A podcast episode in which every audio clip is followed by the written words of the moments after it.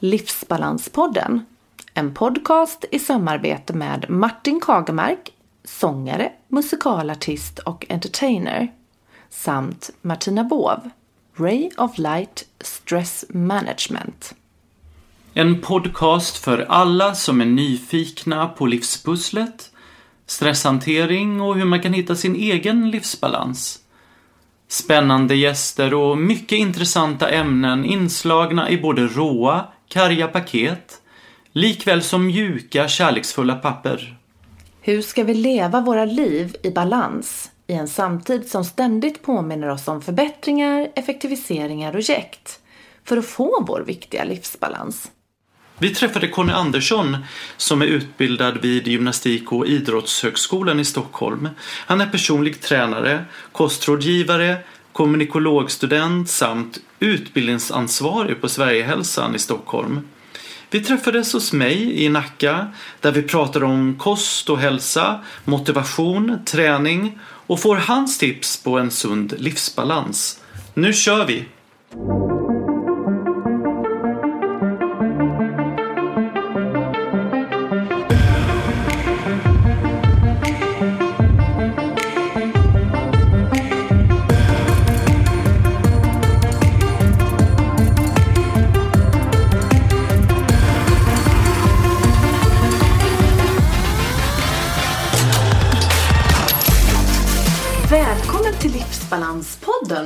Conny Andersson. Tack så mycket. Ja, du har ju varit vår lärare i kost och hälsa under min och Martins utbildning till avspännings och stresspedagoger på Sverigehälsan här i Stockholm. Men du utbildar även Martin just nu i ämnen som kost och hälsa, träningslära och hälsa och friskvård i Martins utbildning till friskvårds och kostkonsult. Stämmer. Ja. Spännande tid framåt. Här. Ja, Ja. väldigt spännande. Välkommen Conny. Vem är du och eh, hur skulle du beskriva dig själv? Mm. Jag skulle säga kanske lite eh, träningsnörd. 50-plussare. Ligger mitt i livet med småbarn, det livspusslet. Ja. Vilket är lite, ja, det är inte unikt på något sätt. Ehm, älskar människor. Jag skulle säga lätt att jag är humanist och det speglar nog i mina val som jag har gjort i livet. Älskar att vara med människor, prata med människor, hjälpa människor. Eh, och eh, ah, det, det är väl där kort. Det är jag. Precis. Mm. Och, och hur kom du in på arbetet med friskvård och kost och hälsa? Och, och, och vad var det som var det avgörande för dig? Ja, jag tror, jag tror att det började någon gång. Jag har alltid spelat eh, innebandy och fotboll i, i, i jättemånga år. I mina ungdomsår sådär.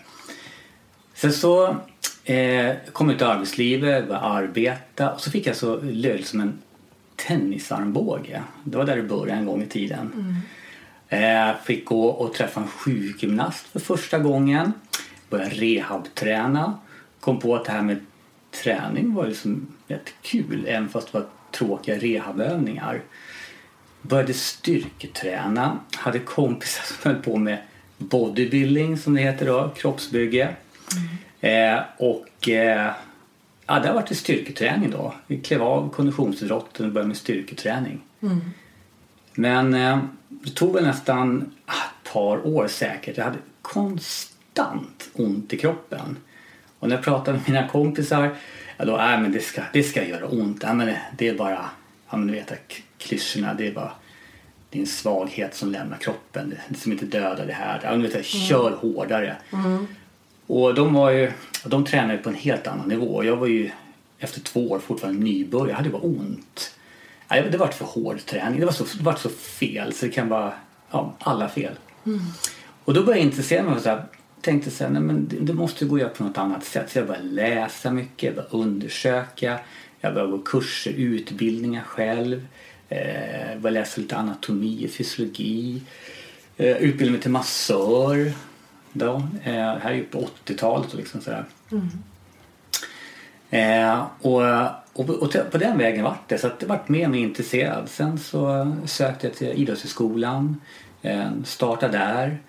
Eh, och eh, kom snabbt in på eh, att arbeta med utbildningar då. då. Har jobbat med barn men framförallt vuxna då. då. Så det är ett medvetet val jag har gjort.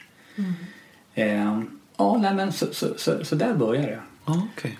Och, och, och jag, jag tror, jag tror lite grann som många att jag har eh, det är något slags kontrakt man har med djävulen att eh, eh, när jag tränar så blir jag lugn, sorterad och strukturerad. Om jag inte får träna av olika skäl Ja. då rinner det över. Då blir det Ja. svårt med vissa saker vissa stunder. Så att eh, det, det är som liksom kan man säga ett gift, träna. Ett bra gift. Må, må bara bra. Men sit, eller sitter det i huvudet att du tänker så här, nu har inte jag tränat idag. Och så blir det liksom överdrivet. Att man, åh jag har inte tränat idag. Och då nu blir jag helt liksom, eh, nu går, går det inte någonting liksom bara för jag har inte tränat. Äh, Eller är det liksom, förstår du? För vi Ja. pratade, har pratat mycket om det jag och Martina. Liksom, när man inte gör vissa grejer i viss form och viss ordning så blir det ostrukturerat i hjärnan. Alltså att det inte... Det, det, Det kan bli så. ja, Ja, det är en slags, eh, just det här med meditation eller, så för mig är meditationen en sådan sak som träning verkar vara för dig till exempel då. Eh, och vi pratade ju om det förut att för mig är det jätteviktigt att jag för att ladda om under dagen så måste jag få lite downtime liksom. Och, ehm, för att rätt ord ska komma ut ur min mun och för Ja. att jag ska kunna tänka tydligare och klart och vara liksom på en behaglig nivå Ja. inuti. Och eh, jag har faktiskt hört detta från folk som tränar och inte bara från, från dig här nu då. Just samma sak, att, att det är viktigt att liksom träna någonting typ varje dag. Eller ja, så ofta man kan för att det kan vara ett sätt att eh, Ja, eh, din typ av meditation då eller? Ja men det är sant, så, så är det ju. Ja. Och jag förstår vad du menar Martin, så här, kan det bli panikkänsla med att inte få träna? Ja. Jag skulle säga att så var det nog i yngre år. Eh, kanske var, var, var mer målfokuserade. Men man tävlar i triathlon och man har kört svenska klassiker och sådär. Och då har man mål och leverans av tider, hastigheter hela tiden. Och då, har ju, då, bör man ju ha vissa strukturella upplägg på sin träning för att nå dit. Men, eh, men sen jättemånga år tillbaka, jag har släppt det helt. Nu känner jag mig helt lugn. Jag vet att jag kanske inte kan träna alla, jag tränar inte alla dagar i veckan, absolut inte. Nej. Nej. Eh, och det, det kan bli perioder som jag behöver prioritera till annat. Så jag ser inget konstigt med det. det, det När du vet om att ja. men idag har jag inte tränat och då kommer jag kanske känna lite så här och det är okej. liksom. Men du kanske känner på ett annat sätt när du har tränat. Och, Men däremot kan jag känna, jag kan känna att, som du sa Martina, Ja. du behöver lite down-period. Jag kan känna, Ja. jag kanske behöver lite up då. Ja. men jag kan känna om, om jag till exempel är på jobbet eh, och det är hiskeligt mycket att göra. Ja. Eh, och ja, de här tillfällena man önskar att man kunde klona sig liksom just då. då. Då kan jag känna, det händer ibland att Nej, nu kommer lunchen. Nu skjuter jag ut mig. Och så går jag och tränar en halvtimme, 40 minuter. Ibland, eh, eh, jag, jag jobbar nära Hammarbybacken då. Kan springa upp några vändor upp dit. Ibland kan jag gå till ett gym som ligger mitt över gatan. Eh, och sen är jag tillbaka när lunchen är klar. Och det är som en urvriden trasa i kroppen. Helt så här urmjölkad. Men jag känner mig knivskarp i huvudet. Det, är- det, det, det är en jättehäftig känsla. Och där vet jag att eh, vissa kanske ifrågasätter någon gång så att "Ah, lite dålig timing att sticka ut och springa nu Conny. Det där kanske du skulle kunna gjort ikväll vid tio istället. Nej, men Nej, om det det, funkar just för det. dig. Ja, det funkar för mig. Ja. ja, men det är ju jättemånga tänker jag. Nu, Ja. nu är jag ju anställd och Bra. när man jobbar på kontor då är det ju så här att då är det väldigt ofta som man får höra att eh, man ska eh, ut och göra någonting på liksom, sin lunch. Så att eh, där, i den kontexten så måste jag säga att där är ju du helt rätt ute. Så att egentligen så är det ju konstigt då att få höra tvärtom. Alltså ifråga, bli ifrågasatt för att man väljer att gå och träna på lunchen. När många väljer att eh, försöka promota det Ja. på stora företag. Ja, Så. ja, ja, jag, Ja. jag förstår vad du menar. Det, det, det kan ju vara så att det, det, kanske är många som vill ha ens hjälp eh, vid ett specifikt tillfälle. Mm. Och pratar vi i skolan, där jag är då, då så lunchen är ett bra tillfälle när man som student eh, i, ja, har ledigt en timme Mm. så, så behöver man uträtta kanske flera ärenden och man behöver fråga mig på plats om massa saker. Därför kan det vara så olämpligt om jag då piper iväg en timme precis men eh, jag, jag säger så här, jag är väldigt noga med att eh, jag vill leva som jag lär. Och det här också mm, pratar vi också om på utbildningarna. Och det vore ju lite märkligt att som lärare göra någonting helt annat. Det är ju inte kongruent någonstans. Jag tror hela mitt nervsystem skulle säga nej. Ljuga för mig själv om jag skulle göra någonting annat. Säg, vi gör så här. Och sen så är jag långt ifrån det själv. Det, nej, det går inte överhuvudtaget. Nej. Då lever man inte sin sanning. Exakt, Ja. exakt. Och den är viktig. Mm. Vilka är dina viktigaste uppgifter i din roll som lärare och föreläsare? Jag skulle säga att som lärare så handlar det nog om att vara pedagog för det första. Eh, missförstå mig rätt, men läsa texter, kalltexter i kurslitteraturer, det är en sak. Men att förstå vad man läser och omsätta det kräver ju kanske eh, en annan kanal att, att sända in på. Och då är det ju jätteskönt om man kan få lärarledd undervisning bland annat. Så där säger jag som pedagogiken är en... Eh, där, där har jag en viktig roll. Mm. Och sen också faktiskt kunna eh, i den möjliga mån det går faktiskt få lyssna in och hitta vad dels en grupp befinner sig men också var respektive elev befinner sig. För jag vet ju det att eh, vi alla som jobbar med det här vet ju att alla har ju olika intentioner med utbildningarna. Alla befinner sig på olika nivåer och vi vet att alla tar sig informationen på helt olika sätt. Så det är liksom mm, det måste nog ändå finnas någon form av pedagogisk ådra eh, och jobba med utbildning. Så det är väl en viktig funktion. Mm. Fungera som pedagog. Och när du möter då stressiga livssituationer generellt. Du, är, du sa att du var småbarnsförälder och har lite hektiska stunder på jobbet. Eh, hur eh, bibehåller du ditt lugn då? Förutom träning och... Har du några tips och tricks? Ja, alltså en sådär individuellt för mig själv bara. Det, är att, det låter kanske löjligt men jag brukar prata med mig själv. Eh, Ni känner säkert också till det att man, ja, man kanske inte får de bästa svaren när man frågar sig själv. Men faktiskt så får man det ibland tycker jag. Jag brukar prata lite grann för mig själv. Jag- Skulle jag vara ensam på kontoret kan jag sitta och mumla.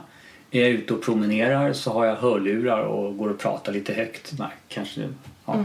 Är jag ute och joggar till exempel så ser det lite kul ut. Jag, sjung- jag sjunger ju inte, jag pratar ju då. då. Men jag, det är ett sätt att bearbeta problem. Ehm, så, så det fungerar. Sen så tror jag jag tror på mångt och mycket faktiskt med, på, på kommunikation. Eh, och så härliga till min familj och min sambo och våra barn. Vi, vi har väldigt mycket kommunikation hemma. Eh, vi har bägge arbeten som kräver insats som är också kvällar och helger och går om varandra lite grann. Så det är inget unikt på något sätt. Men eh, att kommunicera. Typ att nu är jag inne i en period där jag kanske jag behöver vara tidigare på jobbet, jag behöver komma hem senare, jag behöver sitta och jobba på helgen.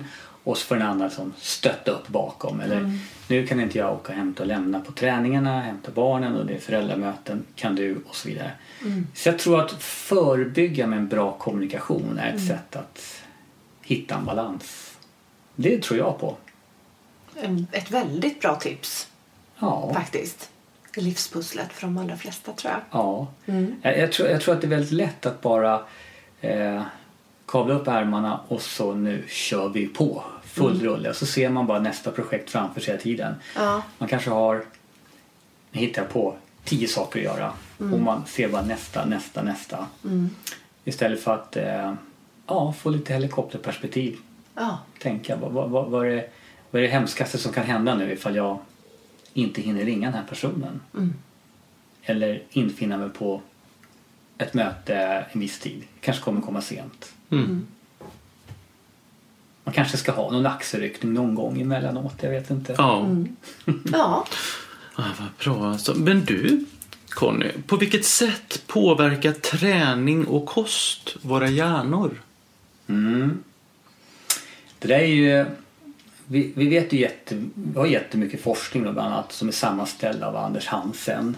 Och där är ju, det är ju det är ju ingenting som är nytt men det, det, nu är det evidensbaserat. Att nu, nu finns det ju effekter. Rörelse påverkar. Och då framförallt är det ju eh, rörelse som är konditionsbaserad. Eh, så där vet vi vad som händer med hippocampus. Jag kanske inte gå in djupare på det. Men om vi tar på kosten lite grann. Samma där är det ju... Jag tycker det är rätt intressant för hjärnan består ju av 70% fett men kan faktiskt bara ta glukos som bränsle. Alltså socker. Och, och, och kommer man in, då in på socker så är det en diskussion i sig då. då.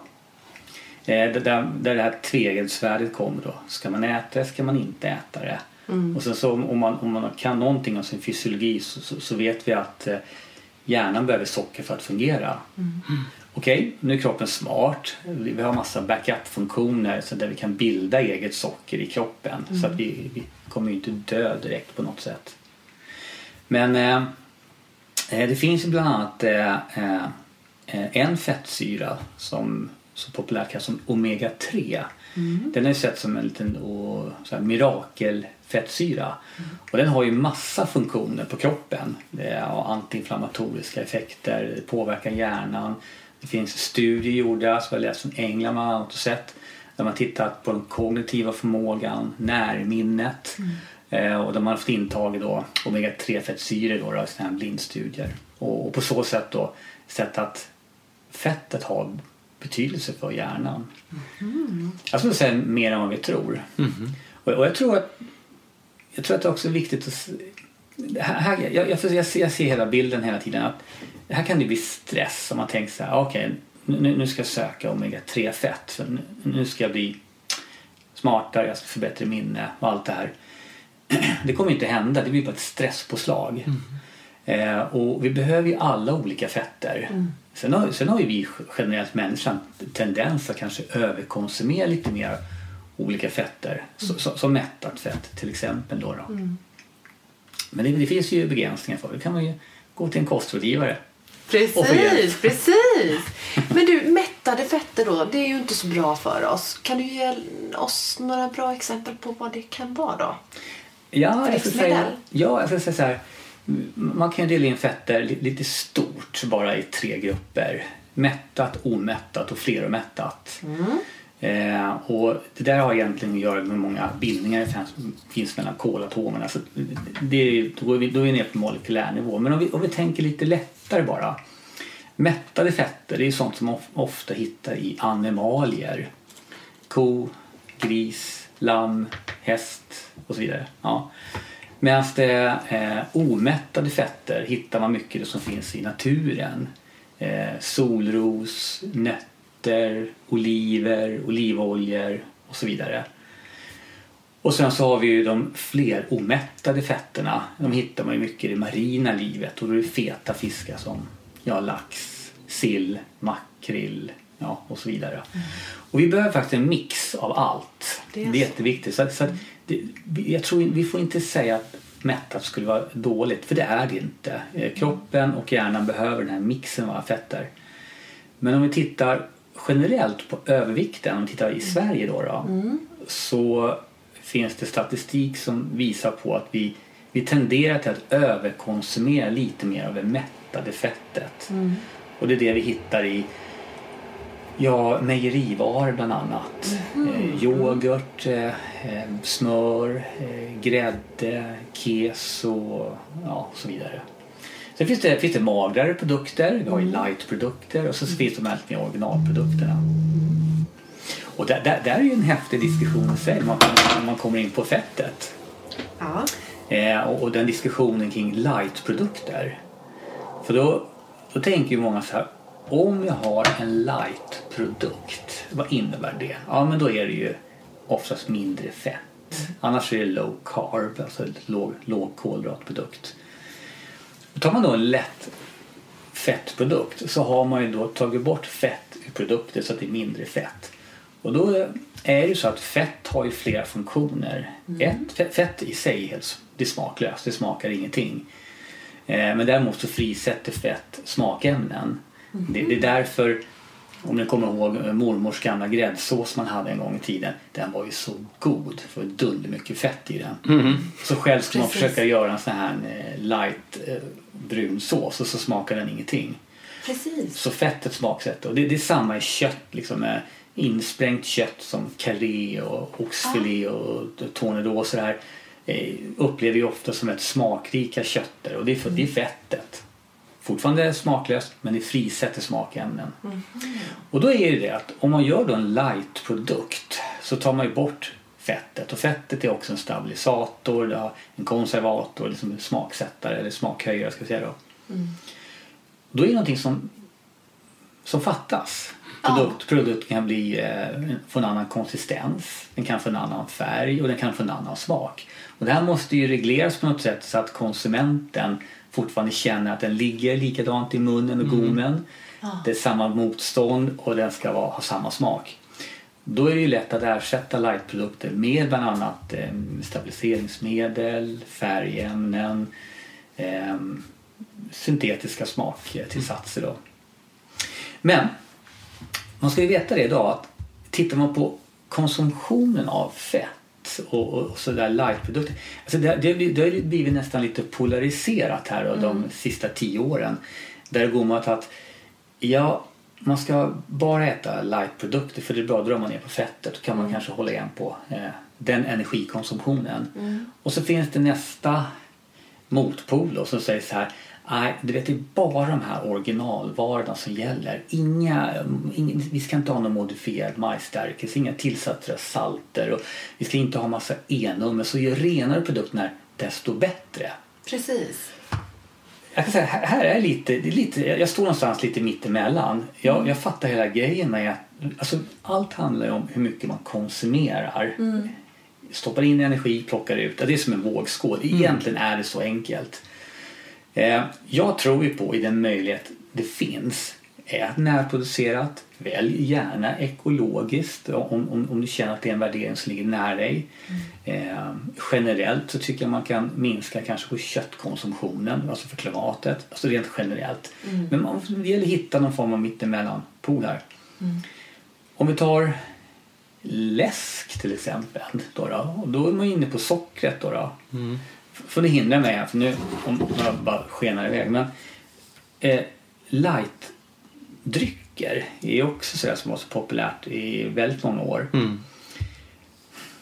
Är, är man kon- storkonsument av läsk, vanlig, vanlig sockerläsk, eh, då finns det absolut någonting att tjäna på om man ska konsumera läsk att gå ner på light-alternativ. För ett light-alternativ är ju i mångt och mycket, jag ska säga, ja, det är noll kilokalorier.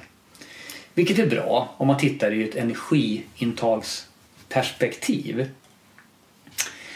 Däremot om du dricker läsk någon gång emellanåt. Du ska gå på kalas, du går på fest och sådär. Och du känner att det är en avsevärd smakskillnad i sockerfritt kontra sockerläsk. Men herregud, drick liksom sockerläsk. Det är väl jättebra. Vi, vi har gjort så med våra barn hemma. Eh, att eh, när, vi har saft hemma så köper vi in, vi, köper, vi håller inte på med Fun Light och lågkalorisafter och konsumerar måltidsdrycker varje dag. Utan det är vatten rakt av. Och vill man ha saft så får man en riktig helig sockersaft. Okej. Mm. Och är det så att det är läsk så har vi någon gång ibland sånt där. Nu har det visat sig att våra barn tycker att det är gott med liksom light. Då då. Men ibland så kan vi köpa en sockerläsk också. För det, är som, det finns ingen överkonsumtion någonstans. Och så kan man hålla sig också till produkter. Man får se vad man äter. Är du till exempel en, en stor konsument av ost. Säg, du, tycker om, du, du kanske äter många smörgåsar, du kanske har 6, 8, 10 ostskivor på varje dag. Oj! Ja men så kan det vara. Ja, det kan det vara. Ja, men fem smörgås om dagen. Du äter Ja. två på morgonen, en till lunchen och så eh, tröstäter på kvällen ett par stycken. Och Ja. det är två ostskivor på varje. Ja, Check. precis. Ja. Då har man ett stort intag där. Eh, då kan det vara lämpligt att kanske välja en, en, en ost med mindre fett i. En lightost.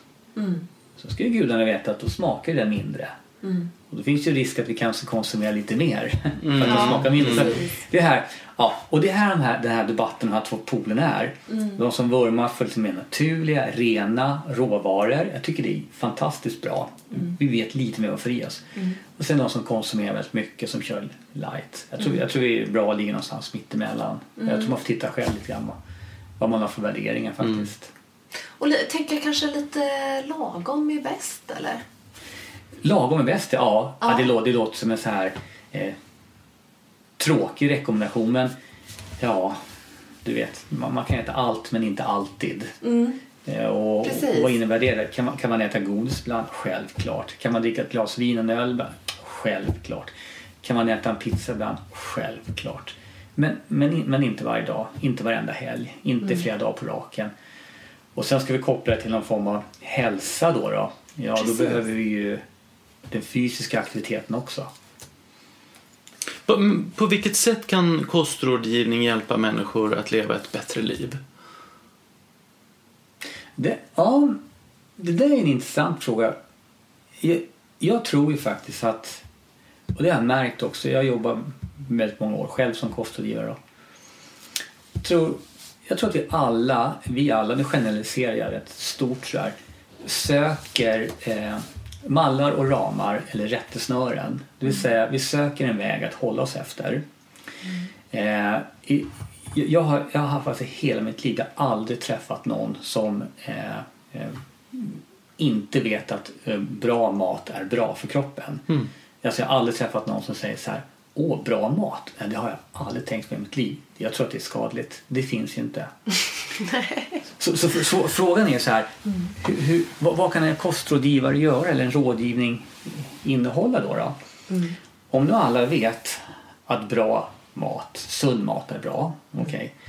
Då, handlar, då tror jag som rådgivarens roll är att sätta upp det där vägmarkeringarna var man ska börja någonstans. För jag, när jag själv jobbar med kostrådgivning, men alla vet att men, fisk, fågel, kött, alltså, så här, potatis, råris. Alltså, det, det är bra basvaror som inte är konstiga. Men man, man, man kommer aldrig till den nivån att man börjar använda dem, ens handla hem dem. Ett, jag vet inte vad jag ska göra, vi måste ha massa krångliga recept, jag måste ha nya receptböcker och så vidare. Men, men de flesta vet ju faktiskt hur man ska göra. Så ska säga, vad rådgivarens roll handlar mycket om det är inte att kunna allting om kolhydrater, fetter, proteiner, vitaminer, mineraler, antioxidanter. Det är, så- det är igen, igen nu missförstår mig, den lätta delen som man kan läsa sig till. Utan rådgivarens roll handlar om kommunikation. Att få personen att göra en beteendeförändring från A till B som förhoppningsvis ska leda till C. Så där har rådgivaren sin roll att rå- rådgiva utefter vad klienten är just här och nu. Och då kan det vara så att det, det kanske ser väldigt bra ut så att det behövs mindre justeringar man behöver en form av matschema. Ser det, är man väldigt långt från vad som kan kallas liksom en sund sammansättning av kost ja, då kanske man ska börja, börja lägga till vissa livsmedel för att få en ny rutin. Alltså sätta nya vanor. Och det är där, det där rådgivningen ser är den viktigaste delen. Alltså den här lilla... Det är skillnaden som gör skillnaden på för, alltså för en bra rådgivning. Den som lyckas få sin klient från A till B, alltså en beteendeförändring. Det är det det handlar om. Men hur är din e- är det ditt eget förhållande till kost och träning? Hur, hur, hur, hur är den? Är den bra, tycker du? Ja, Har du ett bra förhållande till den? Ja det, det, det, det tycker jag Ja. faktiskt. Eh, Jag har haft perioder när jag har varit mycket med som ännu mer träning och tävlingar och eh, har fått hålla igen lite grann vissa saker för att nå vissa mål. Mm. Eh, men så är det inte längre. Jag tycker, ja, jag äter allt men inte alltid. Jag tycker eh, det är någon form av så här lite yin-yang då. då. Ja. Och jag, jag tror också att det ska finnas liksom utrymme för, vi kan kalla det mervärdesmat, vad det nu är. Liksom så här, Kanske nå- något gott extra, någon dessert och någon, kanske lite fetare mat. Det finns om man har också ett litet eh, kaloriuttag i form av fysisk aktivitet. Och ska man se det lite krast, ja men tränar du mycket så finns det mycket mer utrymme för mervärdesmat. Är du fullkomligt inaktiv så behöver du kanske tänka lite mer på vad du stoppar i dig. Det är så, enk- så enkelt nästan faktiskt. Sen, sen så finns det ju ämnesomsättningsstörningar, det finns, vi påverkar vår ålder påverkas ju också liksom av ämnesomsättning så att det är, men i stort så är det så. Nej, jag skulle säga mm. Men många som man träffar eh, som tränar mycket de eh, kan ju tycka att det kan vara käckt att träna för att då får de äta vad de vill. Är det ett bra sätt att, att utgå ifrån? Ja, Eller förstår du frågan? ja, jag förstår. Och Är det liksom... Det där, det där är också... Ska man tänka så- så? Ska man tänka så? Ja. Nej, det tycker jag inte man ska tänka. Men det är så roligt, där jag stöter Mm. på det hela tiden. Ehm, Jag jobbar ju på gym bland annat som persontränare. Och då, jag jag möter ju folk som eh, de har alltså estetiska mål. Alltså drivkraften är estetiska mål. Jag kanske vill gå ner i vikt, jag vill mindre rumpa, jag vill få mer större muskler, jag ska fram med sexpacket på magen ja, och så vidare och så vidare. Och så vidare. Det här är en yttre drivkraft om man pratar motivation och sådär. Eh, jag ska säga så här, om drivkraften är att jag kan äta vad jag vill bara för att träna. ah, Jag, jag tycker inte den går ihop riktigt. Men jag vet de som har den drivkraften. Ja, på allvar. Och det är ju det som är... Ja. ja. Ah, Jag, jag skulle säga nej på frågan. Mm, Men full acceptans för var de befinner sig också. Ja. Det, nej. Ja. Och ehm, vad säger du om den senaste forskningen som gäller 5.2-metoden och dess grundare Michael Molesley? Eh, och vad den tar upp kring mat och eh, mathållningen. Just det. Det där har ju revolutionerat lite grann på dietmarknaden så att säga. Ja. Eh, dieter poppar upp hela tiden. Jag tänker bara backa lite grann. Här, om man tittar på ordet diet så brukar de flesta förknippa det med viktminskning. Men diet betyder faktiskt, faktiskt per definition förhållningssätt till mat. Eh, Så det, du äter Martina, vad du nu äter, det, är- det är en diet. Och vad du äter Martin, oavsett vad du äter, det är också en diet på din diet. Och det jag äter, det, är min diet. Och så finns det olika ramar då, då man liksom paketerar in att äta på ett speciellt sätt och då kommer vi in på olika dieter. Och då är en då, ja Mike Mosley har haft ett bra genomslag liksom med, eh, med egenskap av det han gör, hans bakgrund då. då. 5-2, ja uppenbart, alltså, det är, så- myntet har också två sidor sådär. Det beror på hur man ser det. Det är så här om du ligger över en väldigt lång tid, nu tänker jag flera år, i ett energiöverskott så att du med, med tiden har gått upp i vikt och behöver göra någon form av justering i din energibalans. Då brukar de flesta vilja ha det här igen. Ramen, rättesnöret, målet. Ja. Alltså, fix me, help me. Vad ska jag göra? Var ska jag börja? Vad ska jag äta? När, hur och så vidare. Mm. Och, och, och jag har all förståelse för att det kanske inte är helt lätt om man ska läsa böcker, man ska lyssna på eh, vad, vad andra experter säger.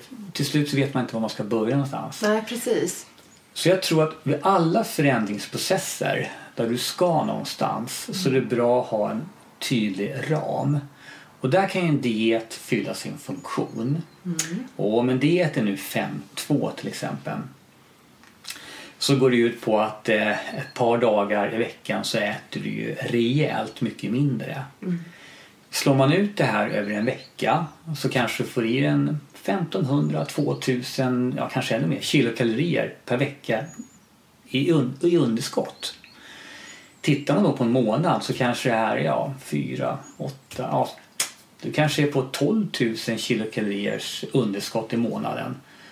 Och som jag sa innan så handlar det liksom bara hur mycket stoppar in och hur mycket plockar ut. Det är som en vågskål. Någonstans där så kommer det hända någonting med vikten om du lägger det på ett konstant underskott. Mm. Så tittar vi på den sidan mynten, rent viktmässigt så verkar det vara en eh, diet som fungerar för många. Ja. Eh, tittar vi rent hälsomässigt vad som händer i kroppen så är det ju så att det har ju visat sig så att många är i behov av att lugna ner kroppen. Det vill säga man äter för mycket. Man har stora belastningar på hela matspjälkningssystemet. Alltså hela den enzymatiska spjälkningen, mag-tarm. Det finns mycket kopplat till eh, tarminflammationer, tarmfickor, försämrad gallproduktion. Alltså svårt att bryta ner fetter. Eh, vi pratar stressmage. Eh, många hinner inte tugga maten tillräckligt. Man sväljer köttbitar i klumpar och det kommer ut. Man, man, man har en dålig spjälkning av maten. Eh, och, och, och, och där behöver man också vila. Och det är det som jag vet Mike Mosley också tar upp. Att kroppen och magen behöver vila för att återhämta sig.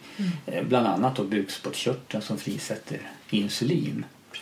Så om vi pratar i det hälsosamma perspektivet så, så, så för de som har någon form av problematik så kan jag se en fördel med 5.2. Eh, pratar vi som bara ett viktperspektiv, nu pratar estetiskt perspektiv, ja då verkar det fungera för flera. Okej, om vi ser att det finns en tredje sida av myntet då som jag tycker är intressant, som jag jobbar ute efter själv som kostråd hela tiden så jobbar jag med beteendeförändringar. Mm. Och då tänker jag så här, om man nu ska späka sig två gånger i veckan. Två gånger i veckan ska du tänka på maten. Du kanske ska känna dig hungrig, lite, sutsö, lite så- sötsugen, kanske lite straffad, lite utvald på något sätt. Där. Men du gör det för the good cause, jag ska gå ner i vikt. Är det ett liv som du vill leva resten av livet? Är, är det någonting att eftersträva? När jag jobbar med beteendeförändringar och klienter så är det inre drivkrafterna som är viktiga.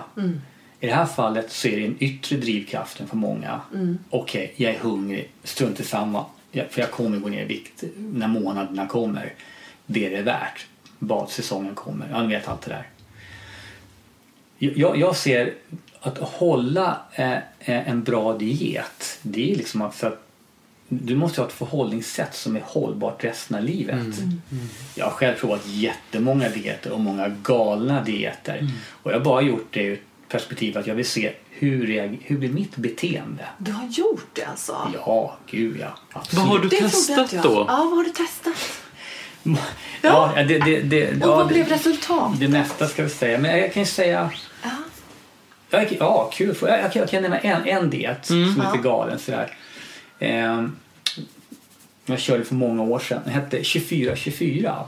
Och det är en, en form av periodisk fasta. Alltså en form av 5-2. Fast lite extremare då. Sen, sen, kan sen känner ni säkert till den här 16-8, The Warriors Diet och massa häftiga namn och sådär. Den här 24-24 det var att eh, eh, första dygnet eh, så äter, för först räknar man ut sitt energibehov.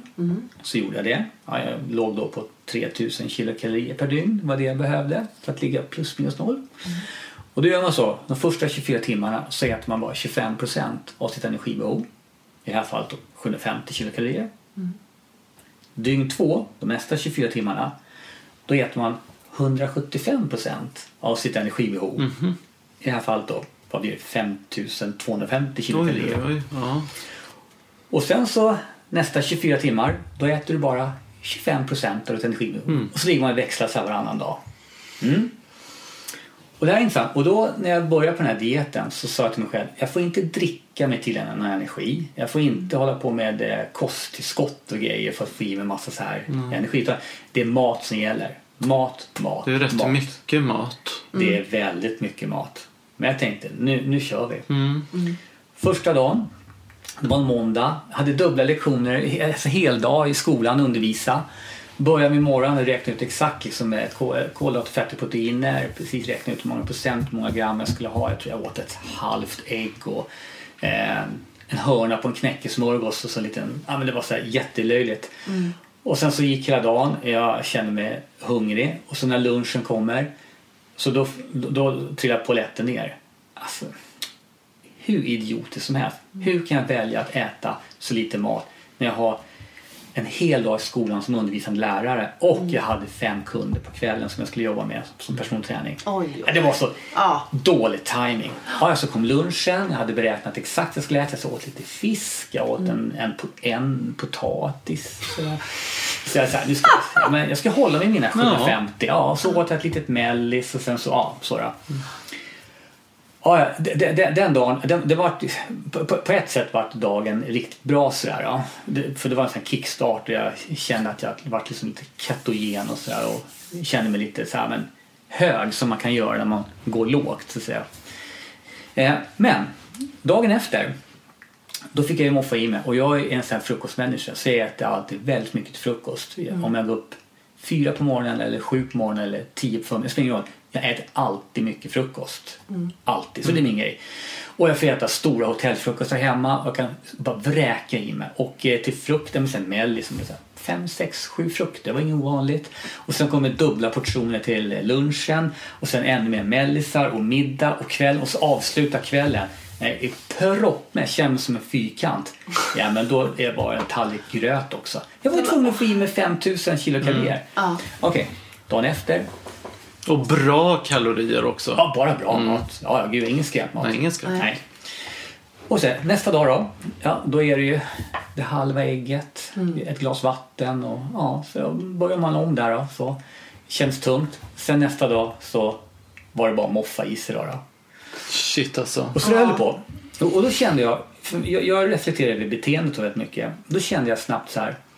Det här känns, eh, det här är liksom inte jag på något sätt. Men jag höll i den här dieten. Så då kände jag att för att orka eh, späka mig varannan dag på 750 kg.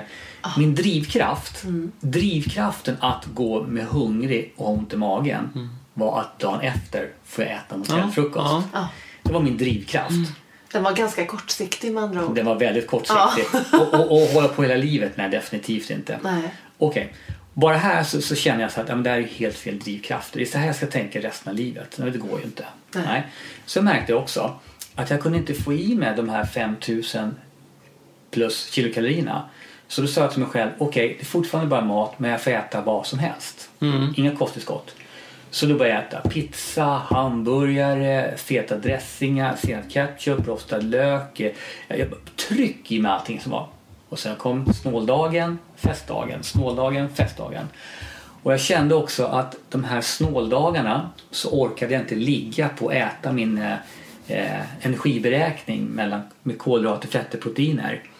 Utan jag började söka jag började söka fetare och mer proteinrika alternativ. För det kände jag så fort jag åt kolhydrater så vart jag ännu hungrigare. Vart jag hungrigare fick jag ont i magen. Fick ont i magen så kändes det som att blodsocker sjönk och då vart jag ingen rolig person. Så därav så började jag söka mer mättande alternativ. Fett och protein mättar ju mer. Så där började jag det ändrar mitt matbeteende. Det kom jag inte på själv. Jag bara per alternativ. Liksom. Nu söker jag det här och så börjar jag äta pizza hamburgare på festerna. Och så, ja, sen, ja. Nej. Så, summa summarum, eh, sju veckor eh, höll jag ut och sen så hade den tjänat sin tid tycker jag, den, den testen då. då. Och eh, ja, vad, vad, vad, är, vad är kontentan då? Jo, på sju veckor gick jag ner sju kilo. Och då åt jag pizza, hamburgare, skräpmat på slutet. Alltså de sista kanske fyra veckorna så åt jag alltså som jag aldrig har ätit förut. Allt. Och jag, jag bara rasade i vikt. Hur är det här möjligt? Och sen så gjorde jag alla tester. Jag gjorde hur, mycket jag hade förlorat i fett och hur mycket jag förlorat i muskelmassa. På de här sju kilo så hade jag förlorat 50% fett. Alltså 3,5 kilo mus- fett och 3,5 kilo muskler. Och för mig som tycker om att styrketräna, jag hittar ett lugn och tycker det är skönt att styrketräna. Så 3,5 kilo muskelmassa förlorar jag på sju veckor. 3,5 kilo, det tar liksom det, två års träning Ja. som jag spöar ut på Kost. sju veckor. Ja. Ja. Helt vansinnigt. Men vad var hemligt? Hur kunde jag äta skräpmat och bara gå ner i vikt? Ja. Jo, för när jag åt skräpmaten så kom jag inte upp i mina 5250. Så jag låg på ett underskott hela tiden. Så jag åt alltså skitmat och ner, gick ner i vikt. Och det här kan man backa tillbaka lite grann till 5.2. här ska man ju inte äta skräpmat. Men du ligger på ett konstant underskott sett över en veckoperiod hela tiden. Därav fungerar 5-2. Men det här var en helt galen 24-24 eh, och, och för någon som ha, har tendenser eller skulle flagga för mig att de har eller har haft ätstörningar så skulle jag aldrig ens nämna den. Nej. Det är helt, helt skruvat kan man säga. Men för mig som tycker om att experimentera så vill jag ju se hur mitt beteende Och varför gjorde du den då från början? Jag vill se jag, hur jag reagerar. Mm, det var ditt eh, mål med det. Mm. Ja. Syfte och mål då. Så ingen, med, jag jag har ingen önskan om både- varken viktminskning eller viktökning. Så de här eh, 6 till 800 kaloriers dieterna som man gör under tre veckor. Mm.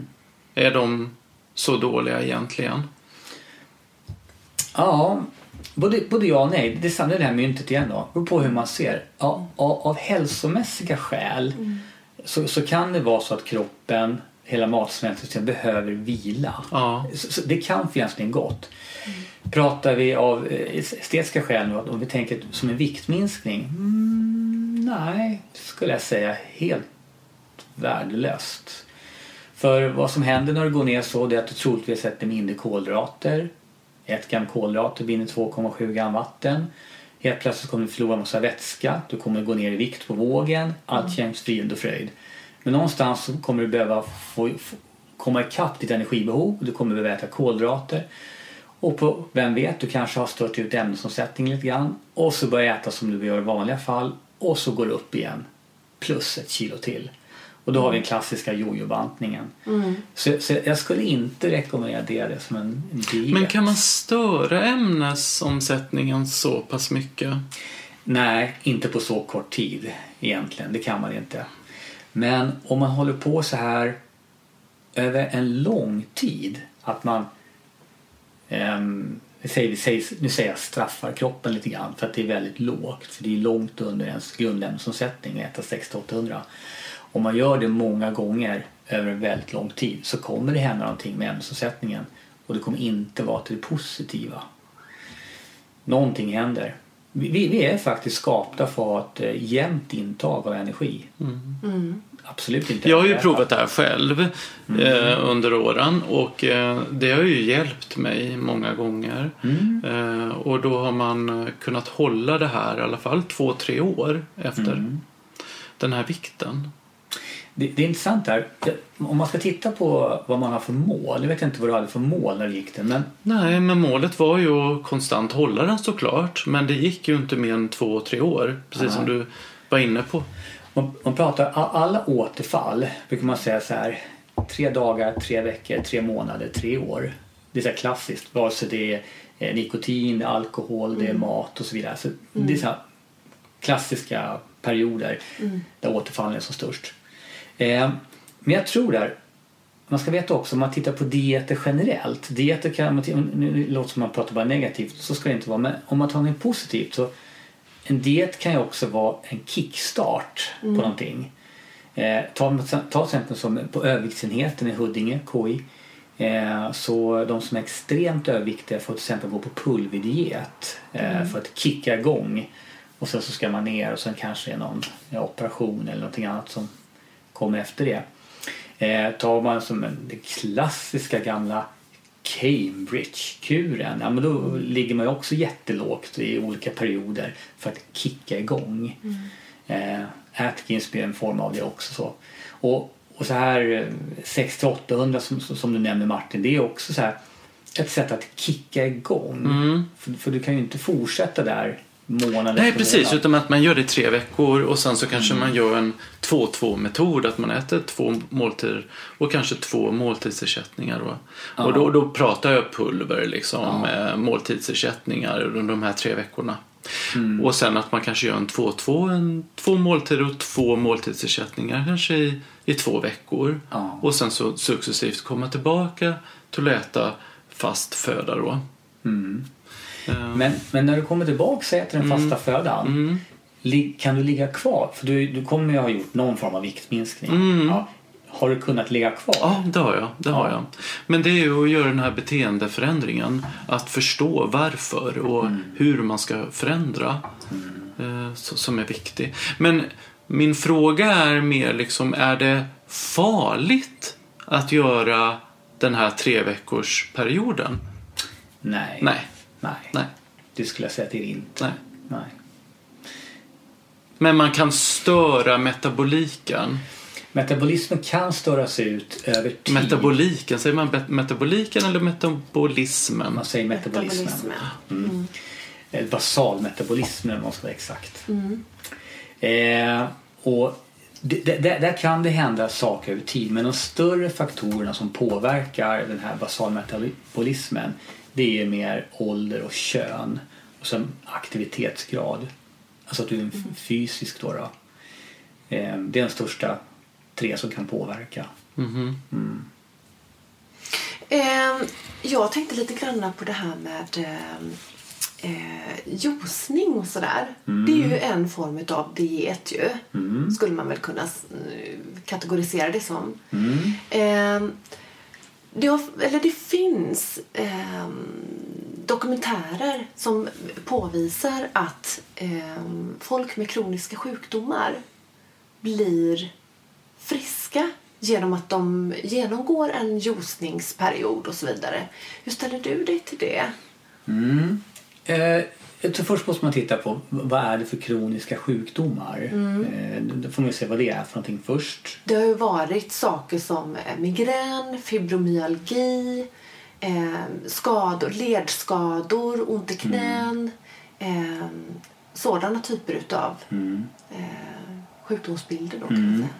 Ja, det där är intressant för det, det finns ju man, man ska inte på något sätt eh, kasta under stolen det här att eh, många tycker om att experimentera och eh, många kan få olika typer av ha- halleluja-upplevelser. Till exempel lite här klass, josa, en klassiker också. Ta bort rött kött och så någon säger jag har haft reumatism i hela mitt liv, nu känner jag aldrig någonting igen. Eh, någon säger så här, ja nu har jag dragit ner på nu äter jag inga kolhydrater och all min psoriasis har försvunnit.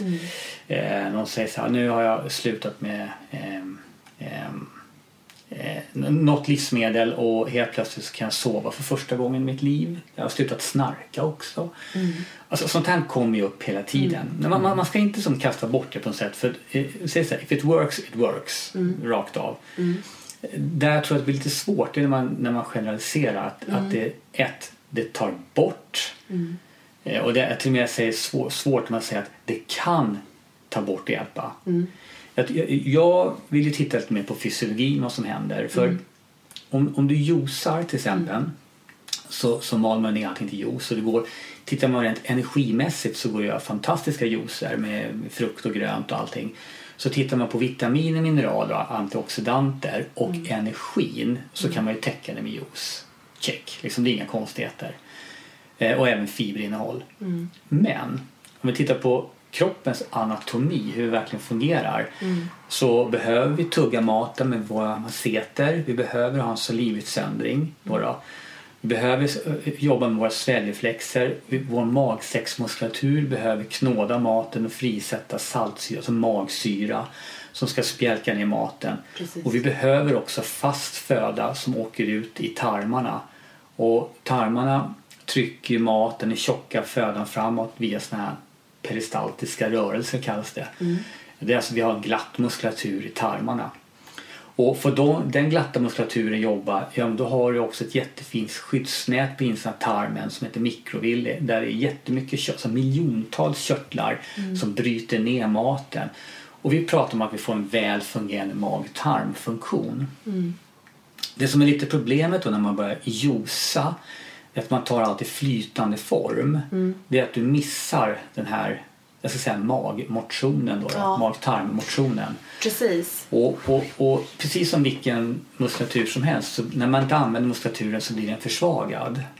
Och för har vi en sämre mag-tarm, ja då kommer vi ha större risk för kanske bland annat förstoppningar och liknande. Mm. Ungefär som en, en, en äldre person kan ha som är kanske väldigt eh, stillasittande eller stillaliggande. Men hur länge tänker du då att man juicar? Nej, men just i den här filmen då som jag såg Mm. ehm, Där handlade det om att det, det var ju folk med väldigt stora kroniska besvär. Mm. Eh, många medicinerade också dessutom och eh, kunde dra ner på antal eh, piller som de tog per dag. Och då rörde det väl sig om eh, en period från 10 veckor upp till kanske 15-16 veckor. Så att det handlar om... Eh, Bara ja, juice bara juice. i så, så lång tid? Ja, Mm. ja, Det, är ju, det är väldigt lång tid. ja, det är väldigt Mm. lång tid. Men, men- det är ju där att, som jag sa lite innan där, att kroppen är i behov av vila. Men har du, har du kanske inflammationer i tarmen, Ja. i fickor, du har en kanske försämrad produktion med galla och leverfunktion. precis. Eh, det är så man gör med sjukvården. Då får man ner på alltså, drickform också. Mm. Ja, precis. Mm. För, att spara på bukspottkörtel och allting. Så, det, så, så är det inget konstigt. Nej. Men då finns det liksom någon, någon form av problematik bakom. Ja, precis. Och, och Conny, eh, en annan sak som är lite ett hett ämne nu det är ju det här med probiotisk föda. Mm. Probiotika. Kan inte du förklara lite vad det är och varför det skulle vara bra för oss? Ja, det har ju varit väldigt hett ämne då. Nej, Ja. jag skulle säga lite kort om det. Att, eh, om, om- om vi söker som trender i... Eh, trender kommer och går. Och sen en 6-7 år tillbaks kanske så är just probiotikan väldigt populär. Det finns mycket skrivet om det. Och jag ska säga att ingenting ska jag säga är fel. Utan det är fint att det lyfts upp men det är verkligen ingenting nytt. Nej. Men vi vet ju att vi har ju eh, ett eget liv, vår mage-tarm. Hur vi då som tar hand om, alltså hur vi spjälkar mat och hur vi tar upp näringsämnen. Ja. Och, och ni känner ju till också så här, har, vi, har man en dåligt fungerande mage-tarm eh, så brukar det ofta ställa till problem för välmåendet. Och så är det problem med välmåendet så brukar det också få följdeffekter som kanske sociala välmåendet. Om man har kanske en mage som alltid krånglar när man ska gå bort. Man kanske inte kan äta rätt mat och så vidare. Så här tror jag att, att den här har kommit med probiotika nu. Mycket som yoghurt bland annat liknande. Man ser mycket livsmedel med tillsatser av probiotika. Eh, jag ser att det är bra. Jag ser ingenting som är farligt. Jag ser ingenting som är negativt. Eh, däremot kan jag ju ifrågasätta om man har en väldigt eh, stram kosthållning. Det vill säga man äter väldigt lite eh, variationsrikt. Då kanske att man köper och tar liksom en deciliter yoghurt på morgonen. Jag har svårt att se liksom effekterna. Jag tror man måste äta mycket mer. Och sen samma som jag sagt innan, så att har du inget problem så behöver vi inte börja jaga liksom probiotika. Och Vad, vad kan man hitta den här då? Ja men som kål, eh, isterband, grönsaker, yoghurt. Det finns precis överallt. Mm, det gör det. Det man inte hittar det är väl mer de processade livsmedlen Ja. som kanske en pasta till exempel. Pasta behöver ju inte vara dålig på så sätt, det beror på hur mycket man konsumerar men där finns den inte till exempel. Nej, precis. Motivation, hur viktigt är det gällande vår hälsa i stort? Det är ju jätteviktigt, eller hur? Nej men det är allt säger jag. Mm. Absolut. Det är samma där som, det, det, det är drivkrafter. Mm. Ja. Och, och vi, vi motiveras av olika saker. Ja, men, inre drivkrafter, yttre drivkrafter. Eh, för någon kan det vara eh, jag kan, jag vill, jag tycker det är kul, jag mår bra. Eh, det ger mig, ger mig lustkänslor. Det är de inre drivkrafterna. Och de yttre drivkrafterna är så här att eh, jag vill bli större, starkare, snabbare, smalare, snyggare. Eller jag kanske vill bort från någonting. Jag vill, jag vill bort från sjukdomen. Jag, jag vill inte må dåligt. Jag vill inte ha ont. Det spelar ingen roll, men det är en yttre drivkraft. Det ena behöver inte utesluta det andra på något sätt överhuvudtaget. Men om vi pratar incitament, alltså driv, alltså mo- känns det motiverat till, att tänka på sin hälsa, ja, då är det fortfarande, jag säger banne mig, de inre drivkrafterna Ja, det som, som har störst påverkan. Ja, Nio fall av tio. Alltid. I alla fall långvarigt, va? Absolut. För hållbarheten, liksom. Ja. Och sen pratar vi mycket om medelhavskost. Vi har ju det väldigt mycket i vår föda här i Skandinavien ju, eller hur? Och varför ver- verkar detta vara så bra för oss? Ja, vad man kan alltså härleda det till lite grann det är ju det här just om man tittar vad man äter kring Med- Medelhavet. Mycket eh, nötter, frön, oljor, fisk. Då då. Eh, och det innehåller ju eh, bland annat då den här omega-3 fettsyran som har så många positiva effekter. Ja, det, det är en del av medelhavskosten. Ja. Eh, Så där borde vi kanske alla äta lite mer av. Men så tänker jag också lite grann på en, en annan dimension av, av den här kosten. Det är ju att i de länderna så har man ju ofta vad som kallas för en siesta. En siesta mitt på dagen.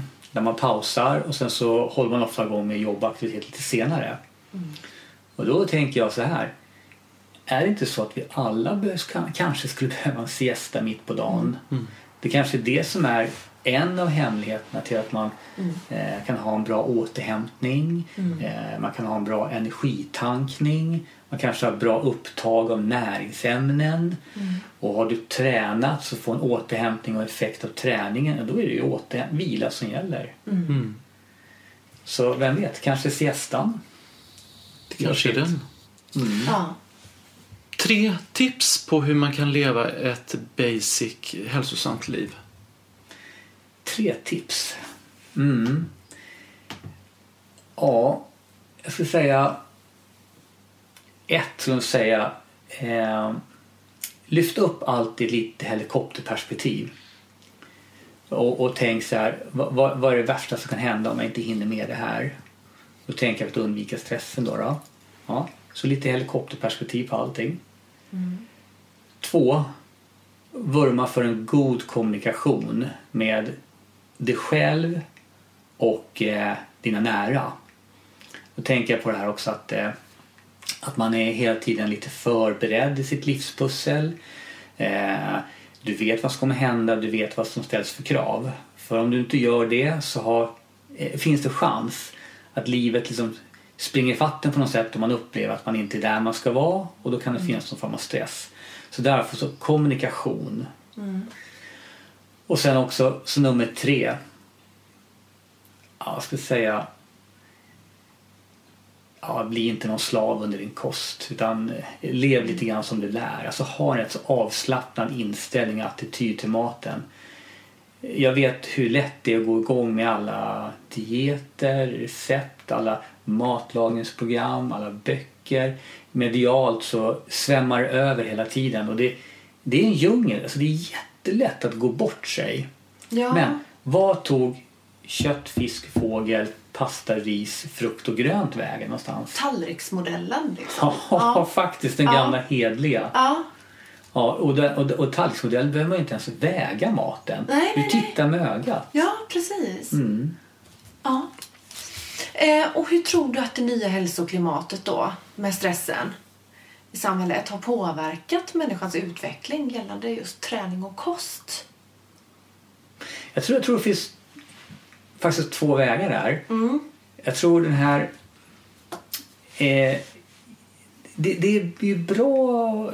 På ett sätt så har ju den hela hälsoutvecklingen eh, galopperat så att det nästan blir för mycket. Ja. Eh, det finns ju eh, negativa sidor som om man, om man tar som kanske mer som, som anorek, anorexia, bulimia och så vidare. Ortorexi, vegorexi och alla de här sjukdomarna. Det, det, det, är ju den negativa sidan av hälso och kosttrenden och sådär. Ja. Ja. Men det finns något positivt också. Det är att vi blir mer medvetna och då tänker jag att det är positivt. Det behöver inte vara någon stress överhuvudtaget men det är positivt. Vi eh, söker bättre livsmedel. Vi blir erbjudna bättre liv, livsmedel. Livsmedelstillverkarna ser till att eh, fånga upp alla konsumenterna där de befinner sig eh, och då också producera förhoppningsvis bättre livsmedel. Då tänker jag lite mer så här närproducerat, ekologiskt och så vidare. Eh, man plockar fram livsmedel där man drar ner på tillsatser för att det tilltalar konsumenten. Så det här hälsotrenden och allting, det finns, det finns någonting gott i allting faktiskt. Men självklart en baksida också. Nej, det, drar åt två håll. Just att det är en djungel. Det är verkligen en djungel. Ja, och, Där ute. och jag tänker ju lite så här också att eh, folk tränar liksom inte riktigt eh, på samma sätt som de gjorde förut. Den här vardagsmotionen, vad är den? När de går till gymmet och ställer sig på en eh, vibrationsplatta i eh, 30 minuter och då ska det liksom ha varit likställt då med Ja. att ha tränat i fyra timmar på eh, gymmet då i någon eh, superklass. Mm. Alltså, ehm, bara det de här, eh, vad heter de, eh, elsparkarna. Folk Mm. står still och kör flera mil och mejar ner folk på vägarna Jag vet, liksom. jag vet. Ja men vad, vad har Mm. hänt i samhället? Och samma sak med snabbmat. Drick Mm. yoghurt fyllt med socker och, och eh, Mm. ja men alltså vad, vad är det som händer? Ja, vad är det som händer? Ja, Det, det, ja, det. det kan vara lätt ställt så. Ja. Jag tänker så här, det, det, positiva med eh, träningen, Ja. det är det här samma att folk, det, lyfts upp. I, i- idag är det hetaste sedan ett x antal år tillbaka, det är ju barn och ungdom. Det är den generationen som det, det satsas mer och mer pengar på nu och insatser, vilket är jätte, jätteroligt. Ja. Men om vi tar för oss som är vuxna då. Eh, det, det, det har aldrig funnits så mycket gym som det gör nu. Det har aldrig funnits så mycket alternativ som förut. Och, och, och jag ser så, tittar vi på människan av idag, där vi vill, som jag sa innan, vi vill ha ramar och riktningar för att vi, nu generaliserar jag, många mår bättre av. Alltså, jag vet vad jag ska göra. Då, eh, eh, då, då, då blir det lite svårt ibland så här när man säger ja, men ut och gå. Alltså det är en jättebra rekommendation, men ut och gå. Ja, men vad ska jag gå? Hur långt ska jag gå? Hur snabbt ska jag gå? Gå utan mål liksom. Ja, det gå blir utan mål. snurrigt. Det blir, ja.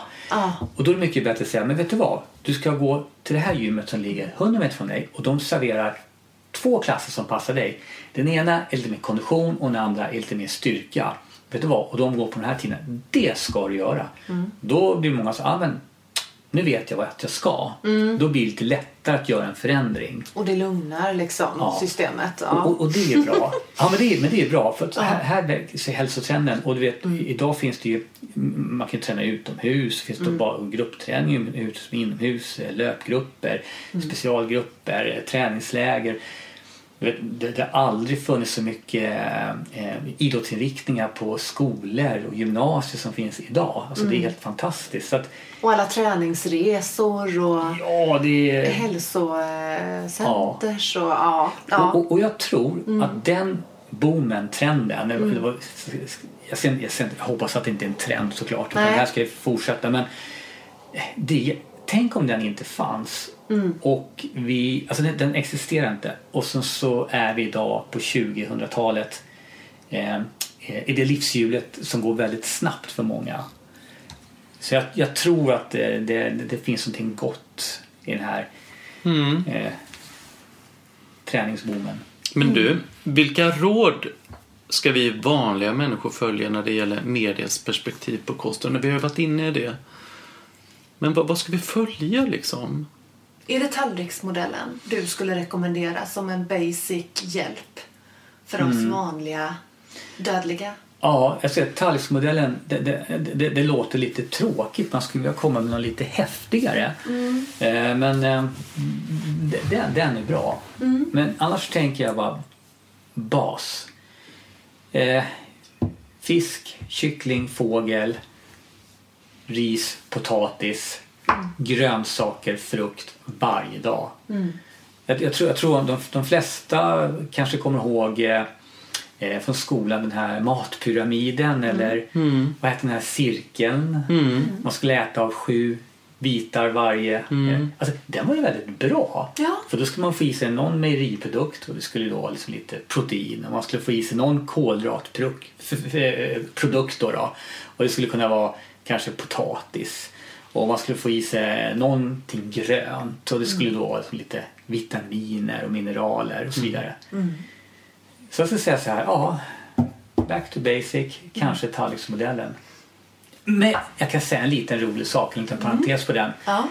Eh, för många år sedan så eh, eh, skapade jag en egen diet, NCD, som jag drev på, lite roligt. Och det var som en liten eh, motprodukt till alla nya flashiga namn som har poppat upp på dieter. Ja, men ni vet LCHF, LCHQ och det ska vara The Warriors Diet och det ska vara 5, 2, 16, 8. Det det är så mycket häftiga namn så går man igång på det här och ja.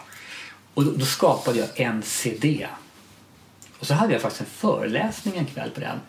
Och det var faktiskt jättemånga som kom och så bara NCD har vi aldrig hört nu. The real shit alltså, nu börjar det. och vad jag, vad jag hade gjort, det hade jag tagit de här tre bokstäverna NCD.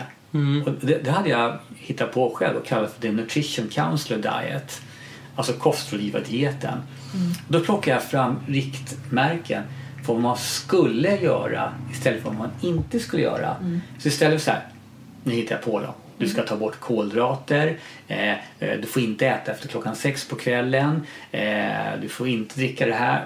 Istället för bara förbud, förbud, förbud så var, bygger dieten bara på råd som du skulle göra. Så jag- jag- Tillåtande. Ja, jag plockade upp en 15 punkter.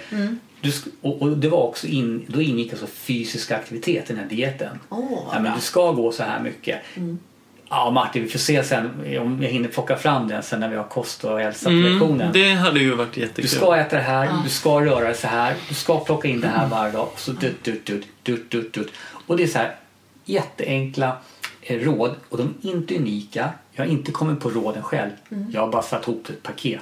Precis som alla andra. Och så satte jag en liten roligt namn på det. Och då, kan man, då får man riktningen på en gång. Ja. Den det är det hade vi jag vill ha. eh, ha Ja. som eh, riktlinje i livet faktiskt. Mm. Alltså det är väldigt, väldigt bra. Mm. Har man någonting liksom att följa så blir det inte lika svårt Nej, när media kommer med, sina, precis. Det är också med sitt informationsflöde. Det, det är på gott och ont. Ja. Det, det är skönt att veta vad man ska. Ja. Men det, det kan ju, som många tänker också, om det nu inte fungerar, om jag inte kommer dit jag ska, det kan man ju alltid skylla på. Ja men det var ju den dietens fel, det går ju inte. Nej. Nej. Nej, så, precis. Men Conny, vad har du för tips till våra lyssnare om hur man kan leva sitt liv i balans? Mm, Har du några tips? tips, jag, jag tänker generellt samma som de här tre tipsen. Ja, men, lyft blicken. Jag tänker helikopterperspektiv. Prata med dig själv. Ha en god kommunikation med din omgivning. Och, och faktiskt, eh, ja, jag kanske pratar för mig själv här, men en bra struktur. Alltså jag tittar långt framåt hela tiden. Eh, Det blir jättesvårt om man bara ser nästa projekt nästa dag framför sig. Det, det går inte. Så det är struktur. Ja. Tack för att du ville komma hit och gästa våran podd, Conny. Det har varit fantastiskt kul att ha dig här hos oss idag. Tack! Tack!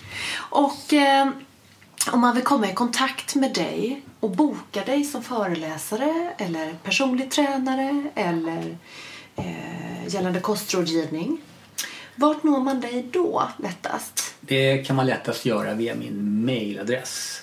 Conny.andersson.sverigehalsam.se jättefint. Livsbalans och kärlek till er alla. Puss och kram från oss. Om ni vill komma i kontakt med oss angående Livsbalanspodden eller andra uppdrag så finns vi på livsbalanspodden gmail.com och livsbalanspodden på Instagram. Eller var och en på martin.kagemark.telia.com eller via min hemsida martinkagemark.com. Och mig Martina på martinabovgmail.com.